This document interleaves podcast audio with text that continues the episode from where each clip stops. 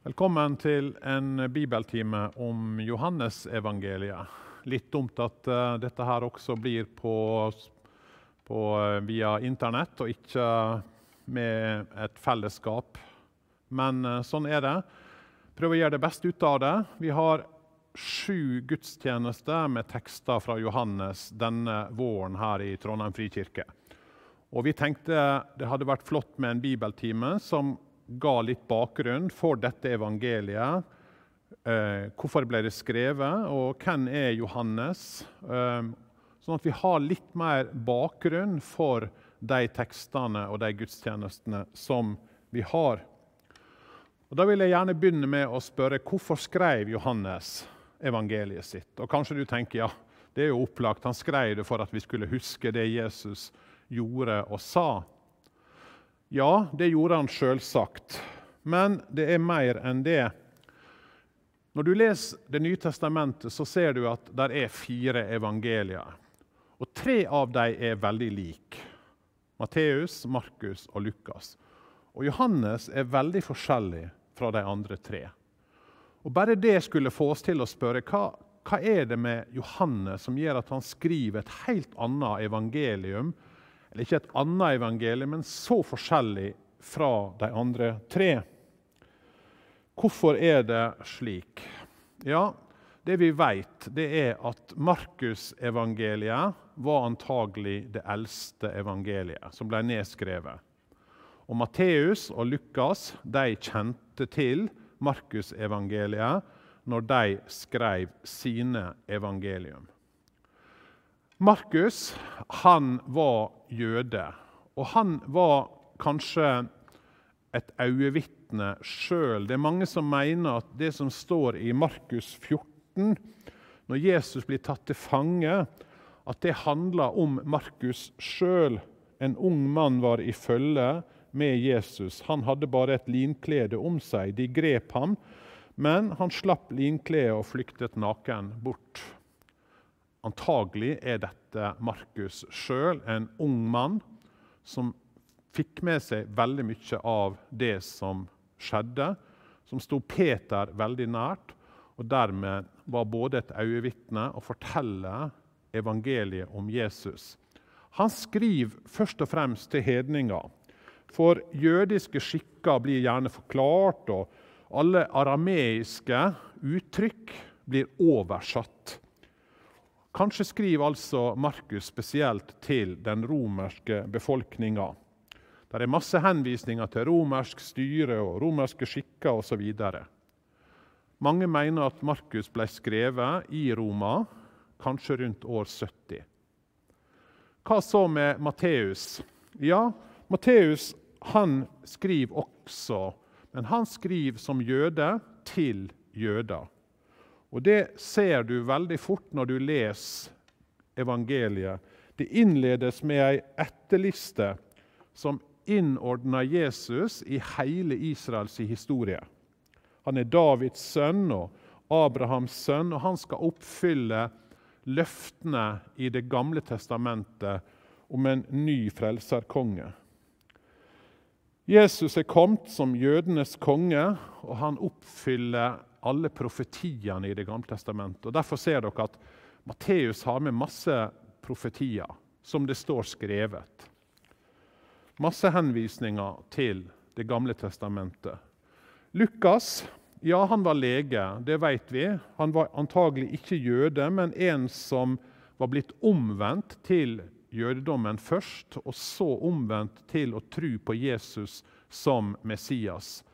Han kjenner Markusevangeliet, og så skriver han fordi han vil gi ei samla framstilling. Og Det kan dere lese i kapittel 1, vers 1-4, om hvordan han sier nå har jeg tatt meg fore. Han skriver til en som heter Theofilus, at nå vil jeg gått nøye gjennom alt, slik en lege antagelig var veldig nøye. Han var en forsker, han var en vitenskapsmann. Han ville skrive ned alt dette her, slik at du kan se hvor pålitelig det er. Hva så med Johannes? Ja, det som er vanlig, er å tenke at det er det yngste av evangeliet.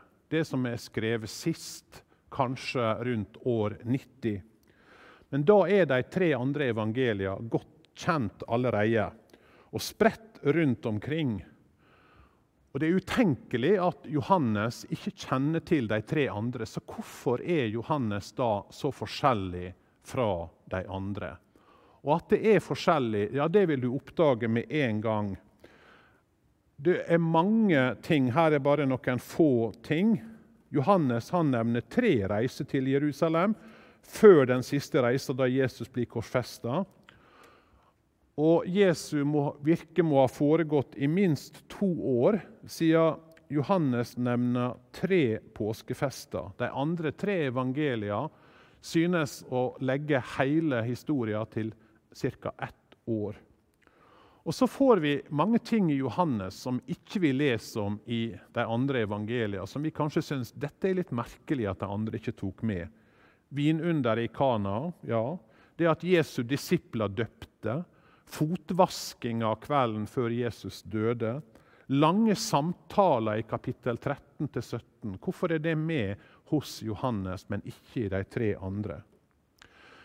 Det er en teori som tenker at kanskje er det sånn at Johannes tenker ja, de andre har jo fortalt liksom dette, så nå, det trenger liksom ikke jeg å, å gjenta. Nå kan jeg legge til det som også Jesus gjorde, som er viktig. Og Det er jo mulig, men kanskje er det noe annet som foregår. Og Kanskje kan vi komme litt på sporet hvis vi spør hvem skrev Johannes til. Vi vet at Johannes han skrev i tillegg til evangeliet tre andre eh, brev i Det nye testamentet. Første, andre og tredje Johannes brev. Språket og orda er så lik at alle er nesten alle er enige om at dette er skrevet av den samme personen. Og Det samme gjelder Johannes' åpenbaring, som også er språklig veldig likt. Så mange sier det er fem altså skrifter av Johannes i Det nye testamentet. Evangeliet, de tre brevene og Johannes' åpenbaring. Hvorfor skrev Johannes? Kanskje kan innledninga til det ene brevet, det første brevet, hjelpe oss på vei. Der sier han det som var fra begynnelsen, det vi har hørt, det vi har sett med våre øyne, det vi så og våre hender tok på, om det bærer vi bud om livets ord. Og livet blir åpenbart, vi har sett det og vitner om det, og forkynner dere det evige liv, som var hos Faderen og ble åpenbart for oss. Det som vi har sett og hørt, forkynner vi også for dere, for at dere skal ha samfunn med oss, vi som har samfunn med Faderen og Hans Sønn Jesus Kristus. Og vi skriver dette for at vår glede skal være fullkommen. Hva er hensikten? Jeg sier Johannes, jeg skriver dette for at dere skal forstå at Jesus er virkelig. Vi tok på han vi var sammen med han. Vi så det helt fra begynnelsen av, og han er virkelig Guds sønn. Johannes skriver for at mennesket skal komme til tro på Jesus og bli inkludert i fellesskapet av alle de som tror på han. Johannes er en evangelist. Og Det skriver han også tydelig i, brev, i evangeliet sitt på slutten når han sier i kapittel 20, vers 30-31 Jesus gjorde også mange andre tegn for disiplenes øyne, som det ikke er skrevet om i denne boken. Men disse er skrevet ned for at dere skal tro at Jesus er Messias, Guds sønn, og for at dere ved troen skal ha liv i hans navn. Tro at Jesus er Messias, Guds sønn. Det er det Johannes ønsker og at en ved denne trua skal ha liv. Og liv er jo et ord som går igjen mange ganger i Johannes evangeliet. Liv i Jesus, et liv i overflod. Så hvem er det Johannes prøver å evangelisere? Etter Jesu himmelfart, oppstår det og himmelfart, så ser vi at det var i flokken av disipler så ser vi at det var tre som peka seg ut som ledere. Det var Peter, Jakob og Johannes. Disse tre blant de tolv var på en måte ei kjerne. De var sentrale. Paulus innrømmer det også når han sier i Galaterne 2 så snakker han om disse tre, og så kaller han dem for pilarene i kirka. De som liksom alt er bygd på. Jakob, Kefas, altså Peter, og Johannes, de som blir regnet for å være selve søylene. Av de tre så peker Peter seg ut som den viktigste lederen, den store lederen. Han ble på en måte lederen for kirka, den første kirka. Og Det er jo også pga. det Jesus sier i Matteus 16, når han sier 'På deg, Peter, vil jeg bygge mi kirke'. Du er klippen. På deg vil jeg bygge mi kirke. Så Peter er klippa. Han er lederen. Først i Jerusalem, senere drar han til Roma og blir på en måte lederen for den kristne kirka. Hva som er Jakob? Jo, han ble igjen i Jerusalem. Og han er tydelig i Jerusalem, den som er lederen av en menighet som stort sett består av jøder. Og Så kommer altså Paulus også inn i bildet. Og Paulus han blir den som bringer evangeliet først ut til hedningene. Ut over Jerusalem. Først til Lille Asia, som vi ser på kartet her, og så til Europa. Og så virker det som om Johannes blir den som blir lederen i resten av Asia. Resten av Asia, ja, hva slags område var det? Kanskje kan jeg prøve å gi en liten bakgrunn. Ca. 20% av de som bodde der, var jøder. Det var omtrent slik at halvparten av alle jøder bodde i det som kanskje var det vi kaller for Israel, eller israelske områder. Den andre halvparten av jødene de hadde spredd seg rundt omkring i de forskjellige delene av verden i det romerske riket. For å gi et lite bilde På denne tida så bestod det romerske riket av mellom 50 og 60 millioner mennesker og kanskje fem millioner var jøder. Og altså Johannes, som går til denne nye verden, han går da til ei gruppe jøder som ikke er så religiøse, som ikke er så kjent med Bibelen og så opphengt i de religiøse skikkene som de som er i Jerusalem. Det er en litt annen gruppe. Og dette er ikke romere. Romerne de var ikke særlig representert. Det var jo noen soldater osv. Nei, hele den verden som Johannes går til, består av en del jøder og en del hedninger som er prega av den greske kulturen. Og Det er inn i denne kulturen at Johannes kanskje tenker ja, Matteus han skrev først og fremst for jøder. Det evangeliet treffer kanskje ikke helt de folka jeg prøver å nå. Markus han skrev til, til hedninger, men mer prega mot de romerske. Det heller ikke. Kanskje tenkes Johannes som så. Jeg må formidle evangeliet på en måte som gjør at dette når inn til disse folka. En som heter Don Carson, han sier at years of preaching had given him some ideas about how it should be done. He puts his paper, his ideas on paper. The result is the gospel of John.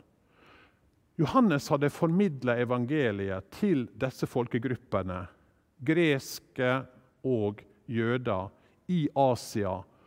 Og han setter sine tanker på en måte ned på papiret, og så blir det Johannes evangeliet. Og Han gjør det uten å føle noe press på å måtte gjenta det som Markus og Matteus og Lukas alt har skrevet. Jeg prøver å gi dere tre eksempel. For det første Hvordan begynner evangeliet hos Johannes? Ja, Det er jo helt annerledes enn de andre tre. For Han begynner med dette. I begynnelsen var Ordet, Ordet var hos Gud, og Ordet var Gud. Han var i begynnelsen hos Gud. Alt er blitt til ved ham. Uten ham er ikke noe blitt til av alt som er til. I ham var liv, og livet var menneskenes lys. Og lyset skinner i mørket, men mørket tok ikke imot det. På gresk står det 'i begynnelsen var logos'. Vi har oversatt det med 'ordet'. Men dette ordet 'logos' er kjempeinteressant for en greker. Fordi i den greske filosofien, i den greske tenkninga, var det en enorm diskusjon om dette med logos. Logos det er jo et konsept, en idé, om at det fins noe utover materien, utover det fysiske, det som vi kan ta på, som holder denne verden sammen. De kalte det for logos. Så når de hørte dette ordet, i begynnelsen var logos, så ville de tenke yes, dette er bra, dette er vi enige om. Det er flott, spennende. Men hva skriver Johannes plutselig videre? Logos var hos Gud, og Logos var Gud. Ja, det syns en greker var spennende. Men så fortsetter Johannes. Han var i begynnelsen hos Gud. Og da vil de si nei, vent litt nå. Logos er jo ikke en person, det er jo en idé, det er jo et konsept. Og så sier Johannes det konseptet, den som holder alt dette sammen, det er Jesus. Logos er Jesus. Hva så med jødene? Ja, for dem også var logos et kjent begrep. Ordet det var ordet som var altså Bibelen, de fem Mosebøkene, ble kalt for Ordet. De var Guds stemme. Og når Johannes skriver 'i begynnelsen var Ordet', så ville de tenke ja, det stemmer. I begynnelsen var Guds ord. Før skapelsen fantes Tora, de fem Mosebøkene, Guds tanker. Sannheten har alltid vært der. Og Når de leser 'Logos var hos Gud' og 'Logos var Gud', så ville de tenke ja, dette stemmer.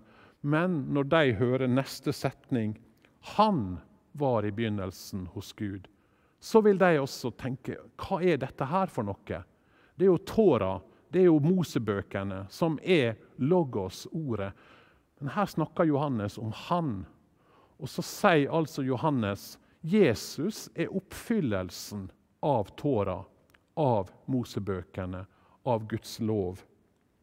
Med to vers snakker Johannes rett inn i livet til både jødene i dette området og til den gresktalende befolkninga prega av den greske kulturen. Det er genialt, det Johannes gjør. Det er helt briljant måten han formidler at Jesus er ordet. Jesus er logos. Med to vers snakker han rett inn og Kanskje er det her vi ser hvordan Johannes tenker. Han tenker Matteus, Markus, Lukas. Ja, de har skrevet ned på sin måte. Jeg må formidle evangeliet om Jesus inn til disse menneskene. Og så gjør han det på en briljant måte. Han har en helt annen hensikt, målgruppe, enn Matteus og Markus og Lukas. Eksempel nummer to. Sju ganger får vi høre at Jesus sier 'Jeg er'. Prikk, prikk, prikk. Jeg er livets brød. Jeg er verdens lys. Jeg er porten, altså døra. Jeg er den gode hyrde. Jeg er oppstandelsen og livet. Jeg er veien, sannheten og livet. Jeg er det sanne vintreet. De sju tekstene som vi har som tema på gudstjenestene i vår. Vi er så vant til å høre dette her. Vi er så kjent med det at vi stusser jo ikke over det, at Jesus sier dette her. Men hvordan ville dette høres ut for en greker? Ja, livets brød.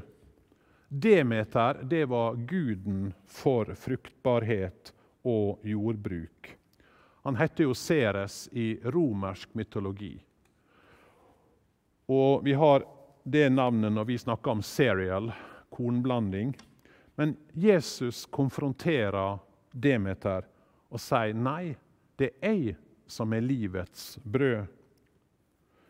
Hva så med Jesus når han sier 'jeg er verdens lys'? Ja, verdens lys det var jo Apollo, som var lysets gud. Han var ansvarlig for lys, musikk og sannhet. Eh, I klassisk tid så erstatta han Helios som solgud. Og Så kommer Jesus og så konfronterer han Apollon og sier nei, det er ikke Apollon som er verdens lys. Det er jeg som er verdens lys. Hva så med porten for sauene? Janus, han som jo har to ansikt, han er i mytologien guddommen for porten for dørene, for døråpninger, alle begynnelser og all slutt. Det er jo derfor han har to ansikt. Han ser bakover, han ser framover. Han er overgangsritenes gud. Guden for overgang, som får deg gjennom døra. Det er jo derfor vi har hans navn på januar fordi januar er overgangen fra det gamle året til det nye året. Nei, sier Jesus. Det er jeg som er døra. Det er jeg som er porten. Det er deg som er overgangen fra fortid til framtid. Det er jeg som kan føre deg gjennom livets overganger. Hva som er den gode hyrde? Ja, Pan, denne halvt geit og halvt menneske. Han var guden over flokkene. Nei, sier Jesus, det er ikke Pan. Det er jeg som er den gode hyrde. Når Jesus sier 'jeg er oppstandelsen og livet' Asklepios var jo den guddommen for medisin og helbredelse. Han som har staven med slangen snurra rundt, som har blitt symbolet for medisin og for apotek osv. Uh, nei, sier Jesus. Det er jeg som er oppstandelsen og livet. Hva med veien, sannheten og livet? Aletheia er i gresk mytologi sannhetens gudinne. Hun er en personifikasjon av sannheten sjøl.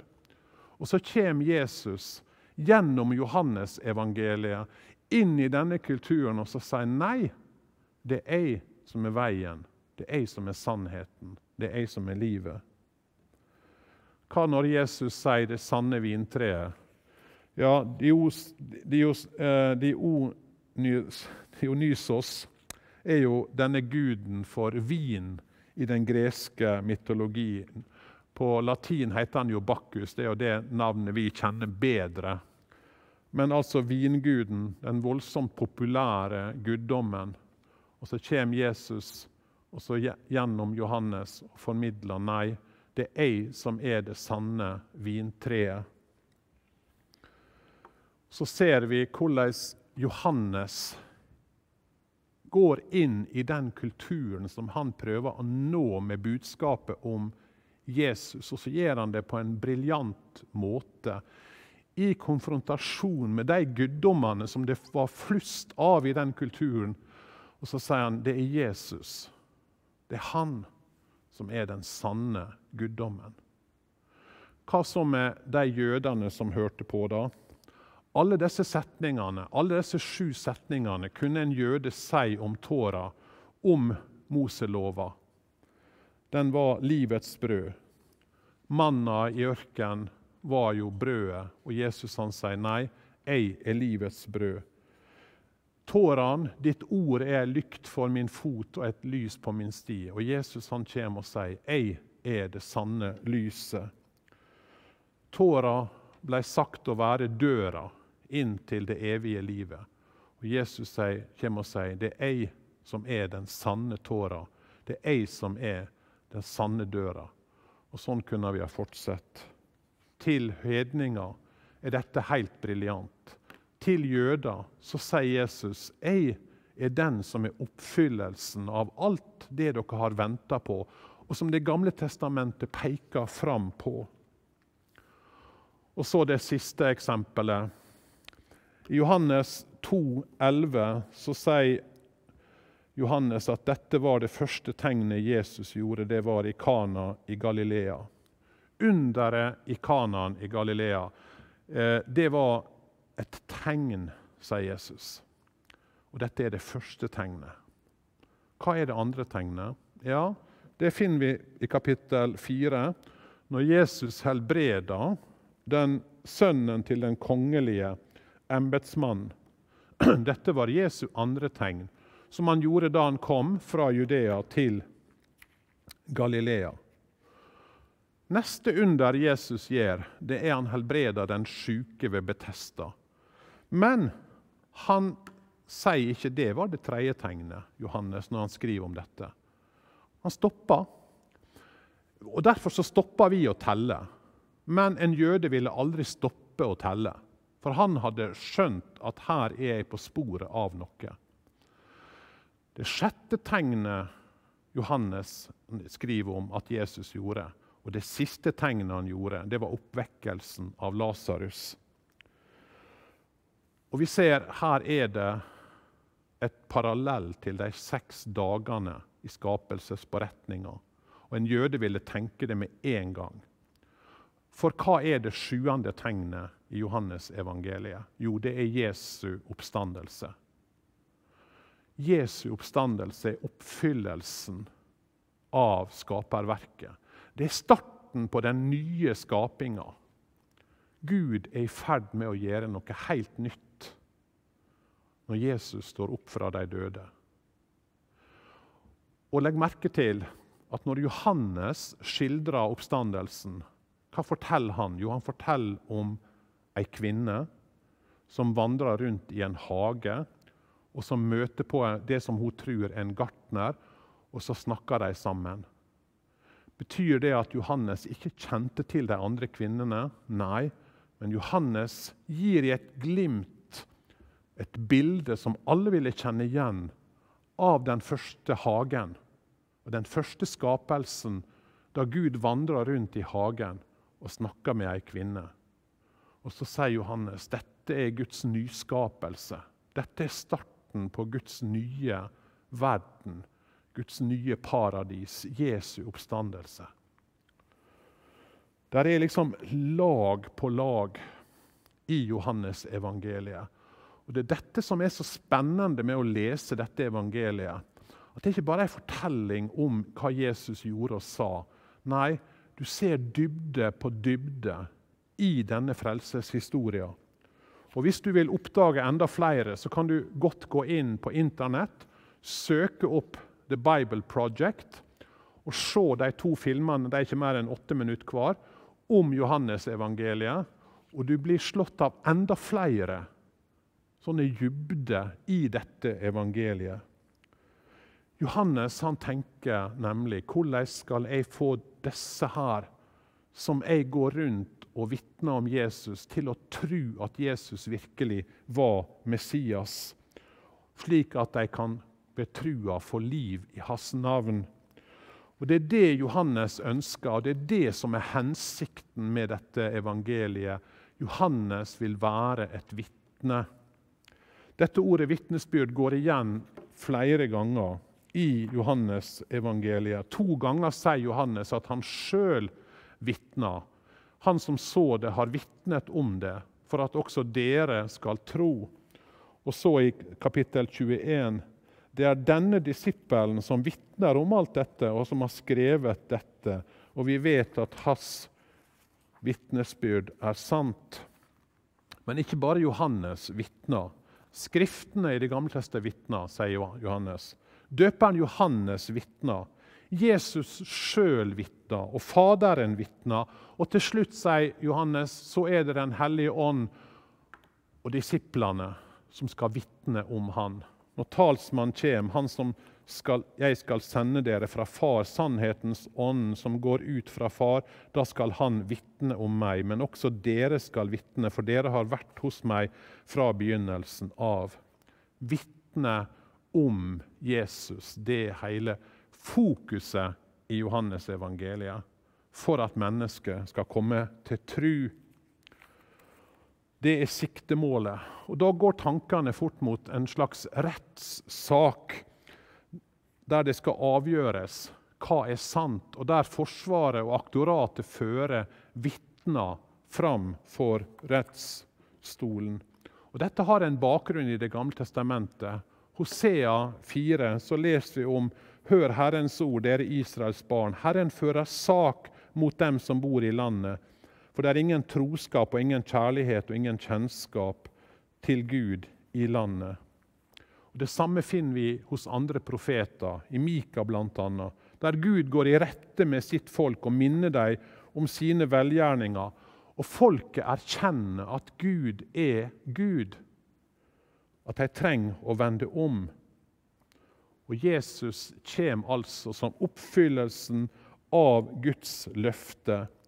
Og Johannes vitner om dette her. Og tanken til Johannes er vitnesbyrdet det gir Gud rett. Jesus er virkelig Guds sønn. Så ser vi også i Johannes evangeliet at det er andre som vitner mot Jesus. Overalt så ser vi og hører vi i Johannesevangeliet om at folk ikke tror, ikke tar imot. De sier han er besatt, de sier han er en synder. De sier han har ei vond ånd i seg. De sier han fører folk vill. Og Johannes han setter disse vitnesbyrdene opp mot hverandre. Og så sier han, 'Hva tror du?' Hva tror du?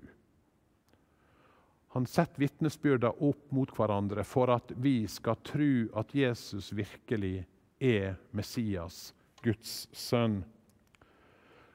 Dersom vitnesbyrdet ikke blir tatt imot og ikke blir trudd, ja, der vendes det om og blir til anklage mot den vantru. I Johannes 5 sier han, tro ikke at jeg vil anklage dere hos far. Den som anklager dere, er Moses, han som dere setter deres håp til. Og i kapittel 3 Gud sendte ikke sin sønn til verden for å dømme verden, for at verden skulle bli frelst ved han. Den som tror på ham, blir ikke dømt. Den som ikke tror, er allerede dømt fordi han ikke har trodd på Guds enbårne sønns navn. Johannes har et siktemål, at mennesket skal komme til tru. Det tvinger altså den som leser det, til å på en måte ta et standpunkt. Du kan ikke lese Johannes evangeliet nøytralt. Du blir utfordra. Vil jeg tro dette vitnesbyrdet, eller vil jeg ikke? Johannes skriver fordi han vil at vi skal ha liv i hans navn. Jesus åpenbarer gjennom Johannesevangeliet sin herlighet. Han åpenbarer hvem han er, og han åpenbarer hvorfor han kom. Hvis vi skal sammenfatte evangeliet, så kan vi godt si at det består av fire hoveddeler. Du har ei innledning, det første kapitlet, som har en prolog, og så har du historien om de første vitnene. Og igjen så er det interessant at disse som først møtte Jesus, de uttrykker bare på noen få vers hele sanninga om hvem Jesus er. Han er Guds lam. Han er Guds sønn. Han er rabbi. Han er Messias. Han er Jesus fra Nasaret. Han er menneskesønnen. Han er Israels konge sju titler på Jesus, hvem han er. Igjen går dette tallet sju igjen hos Johannes. Hvor bevisst Johannes bruker sånne ting for å formidle sannheten om Jesus. Så åpenbarer Jesus sin herlighet for folket i tegn og i tale. Det er kapittel 2-12. Og så åpenbarer han sin herlighet for disiplene i kapittel 13-17, denne lange talen og i sin død oppstandelse, da, i kapittel 18-20. Og så har vi en epilog i kapittel 21. Jesus åpenbærer sin herlighet. Han åpenbærer hvem han er, og hvorfor han kom. Bare to eksempel. Da Gud åpenbarte seg for Moses, så spør Moses hvem er du, Gud, så jeg kan si til israelsfolket hvem du er. Det er denne kjente fortellinga i 2. Mosebok 3 med den brennende tornebusken. Hvem er du, Gud? Hva skal jeg si? Hva er navnet ditt? Når jeg kommer til israelittene og skal fortelle dem at jeg skal føre dem ut av Egypt, hvem skal jeg da si har sendt meg? Og så svarer Gud denne veldig, veldig kjente setninga. Du skal si til israelittene, Herren, fedrenes Gud, Abrahams og Isaks Gud og Jakobs Gud har sendt meg til dere. Ja, han trekker linjene tilbake igjen til hvem han er. Han er den som er historiens Gud.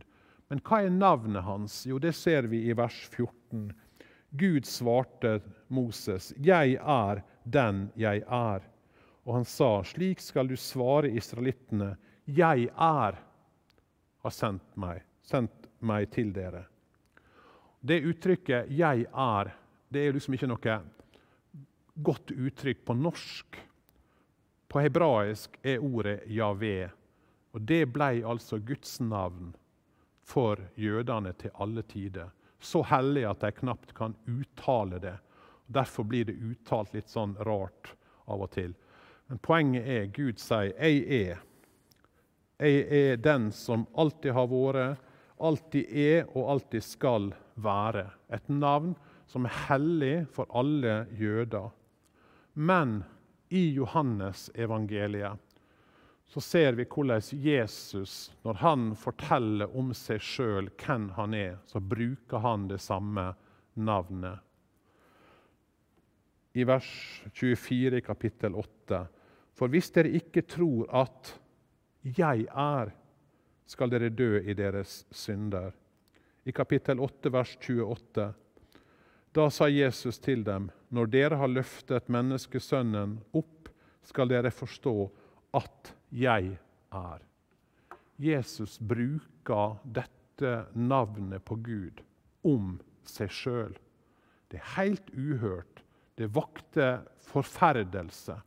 Det er sånn at når Jesus blir tatt til fange av um, de jødiske soldatene i Getsemane, og så spør de eh, hvem han er, hvor er Jesus fra Nasaret, så bruker Jesus 'jeg er', og så faller de til jorda. Men Jesus han sier, 'Ja, jeg er Gud'.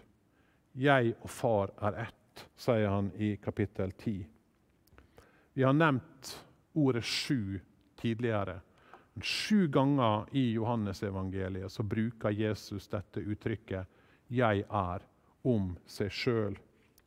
Johannes vil vise oss Jesus åpenbærer hvem han er for oss.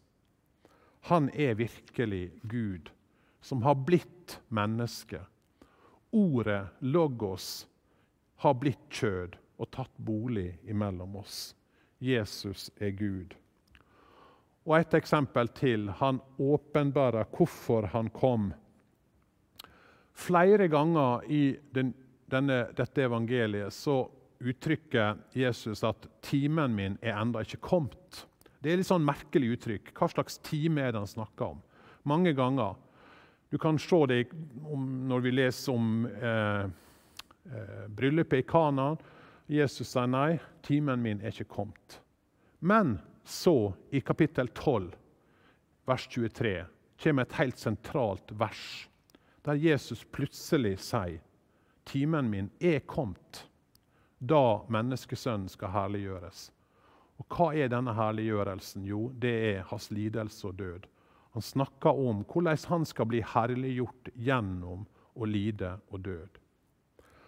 Jesus åpenbærer hvorfor han kom, for å gi oss liv. Det er det Johannes-evangeliet prøver å hjelpe oss til. Å lese dette evangeliet. Og når de som hørte det første gangen og leste det, leste dette evangeliet, ja, så ble de utfordra. Fordi det var rett inn i deres liv, inn i deres kultur, inn i deres verden, at Jesus altså kommer gjennom dette evangeliet og sier det er jeg som er Gud. Det er jeg som er den sanne Gud, som har kommet til jord, blitt menneske, tatt bolig blant dere for å gi liv og overflod. Les Johannes-evangeliet. Mange mener at det er et høydepunkt i hele nye testamentet. Det er et fantastisk skrift. Det er lag på lag, som vi har sagt. En dybde som du ikke finner noen annen plass. Men les det mest av alt fordi det vil føre til tru på Jesus Kristus. At han virkelig er verdens frelser. Han skrev, sier han, for at vi skal tro at Jesus er Messias, Guds sønn, og for at vi ved trua skal ha liv i hans navn. Kjære Gud, takker deg for Johannes-evangeliet. Takker deg for vitnesbyrdet fra denne disippelen Johannes om hvem Jesus er. Jeg ber at du gjennom det vi leser i dette evangeliet, skal styrke trua vår på deg. At du virkelig er Messias, Guds sønn, og at vi ved trua kan ha liv, kan ha fellesskap med deg, fellesskap med andre som tror på deg. Amen.